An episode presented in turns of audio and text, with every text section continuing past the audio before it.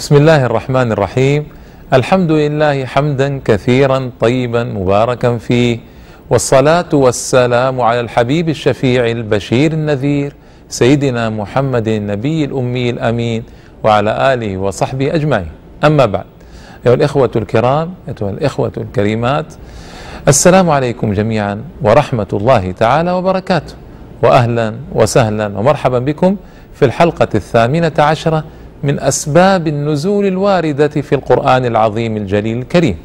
واليوم إن شاء الله تعالى أذكر لكم سبب نزول وارد في سورة المائدة.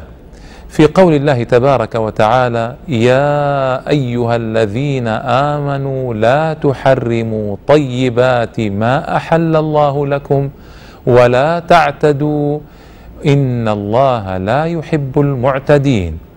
هذه الآية الجليلة نزلت في رجال من الصحابة منهم عثمان بن مضعون رضي الله تعالى عنه.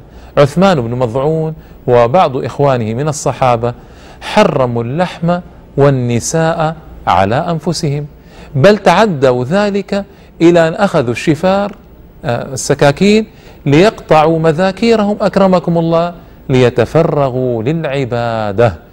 وليبعدوا أنفسهم عن الشهوات. فأنزل الله تبارك وتعالى هذه الآية الجليلة الكريمة حتى يكفوا عما هموا به. وذلك أيها الإخوة الكرام والأخوات الكريمات أن الإسلام لا يقر هذه الرهبنة ابدا ولا يقر هذا النوع من الرياضات الغالية التي سقطت فيها أمم ورهبانية ابتدعوها ما كتبناها عليهم. هذه الرهبانية التي سقطت فيها أمم وما زالت تزاولها أمم في المشرق والمغرب غير مفروضة علينا ولله الحمد. ديننا دين سمح. ديننا ليس فيه حرج. ديننا دين يسر وسهولة ودين عظيم دين جليل. دين يعمر الله تعالى به الأرض. فإن كان هذا الدين كذلك وهو الدين الخاتم وهو الدين الخيار. حتى في الدين لا توجب هذه الغلظة.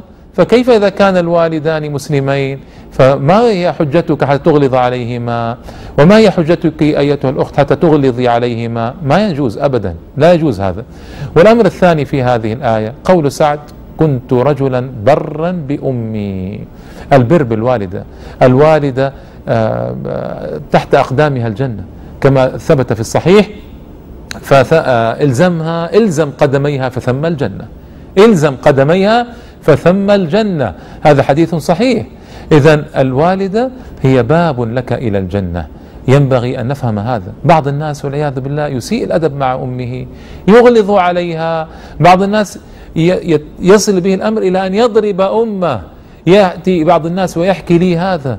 تضرب الوالدة وتطرد من البيت وتوضع في رباط وتوضع في ملجأ. الوالدة يفعل بها هذا. الوالدة وكان ابن عمر رضي الله تعالى عنهما قد رأى رجلا من أهل اليمن يحمل أمه في الطواف على ظهره. فتعجب ابن عمر يعني منظر عجيب في الطواف. ويحمل والدته. اليمني هذا يقول ابن عمر رضي الله تعالى عنهما يقول له يا ابن عمر هل وفيت بحقها؟ فإني قد أتيت بها من اليمن وحججت بها وطفت بها المشاعر على ظهري وها أنا ذا أطوف بها حول الكعبة على ظهري فهل أديت حقها؟ فقال ابن عمر رضي الله تعالى عنهما لا والله ولا بزفرة من زفراتها أي ولا بصيحة ولا بألم من ألم ولادتها بك. الله أكبر. فالأم ما يمكن لإنسان يؤدي حقها. ما يمكن. أمك ثم أمك ثم أمك ثم أباك. هكذا وصية رسول الله صلى الله عليه وسلم. بعض الناس يؤثر زوجه على أمه والعياذ بالله. بعض الناس بعض الناس يؤثر صحبه على أمه والعياذ بالله. هذه قضايا خطيرة. قضايا العقوق نسأل الله السلامة قضايا خطيرة جدا. أعوذ بالله منها. وأيضا بعض الناس قد يضعف بتأثير الوالدين أيضا. وهذه قضية مقابلة لابد أن نفهمها. فعلى الوالد والوالدة أن يتقي الله ولا يضغطا على الابن وعلى الابنة. فإذا التزم الولد والتزمت الابنة فما ينبغي للوالد والوالدة أن يضغطا عليه حتى يترك الالتزام. وقد يضغطان عليه من أجل خوفهما عليه ويظنان أنه سيلحقه سوء بهذا. فقد يكونان معذورين بعد بعض العذر في ظنهما لكن لا يجوز لهما أن يضغطا عليه حتى يفارق التزامه حتى يفارق استمساكه بدينه. فإن بعض الوالد الوالدين يفعل هذا للأسف. يفعل هذا ويضغط على أبنائه وبناته. ما يجوز له هذا. وبعضهم يهدد الأبناء والبنات وبعضهم يقسو حتى يدعوا الالتزام بالدين. هذه قضايا ما تصح ولا تنبغي ولا يجوز فعلها ابدا. وبعض الناس يظن أن ابنه أو ابنته إذا التزما فإن ذلك سيؤدي إلى تفكيك العائلة وتفكيك الأسرة ومثل هذا الحديث ومثل هذا الكلام الذي لا يصح ولا ينبغي أيضا. فعلى الوالد والوالده أن يكونا فطنين وأن يرعيا الولد وال وال والابن والابن وأن يعرفا كيف يكسبان البر. بر الابن وبر الابنة وأن لا ألا يجبرانهما على العقوق أو على التلفظ بالألفاظ السيئة لهما هذه قضية ينبغي مراعاتها في المجتمع. قضية ذات طرفين. قضية الولد كيف يعامل أباه وأمه وقضية الوالدين كيف يعاملان أبناءهما وبناته وبناتهما؟ هذه المعادلة مهمة يجب أن تحل في المجتمع يجب أن توضع موضع العناية في المجتمع مع وجوب البر من الولد ومهما أظهر له الوالدان من غلظة ومهما حاول معه يجب عليه أن يبرهما ويجب عليه أن يطيعهما في غير كفر وفي غير معصية. وأما إن أجبراه فلا يجوز له ابدا أن يتنازل عن دينه أو عن شيء منه بسبب ذلك الضغط.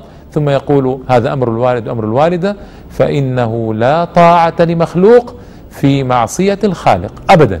الخالق له المنزلة الأولى وله المرتبة الأولى ولا يجوز ابدا أن نعصي الله تعالى من أجل أم أو من أجل أب أو من أجل أي شيء آخر.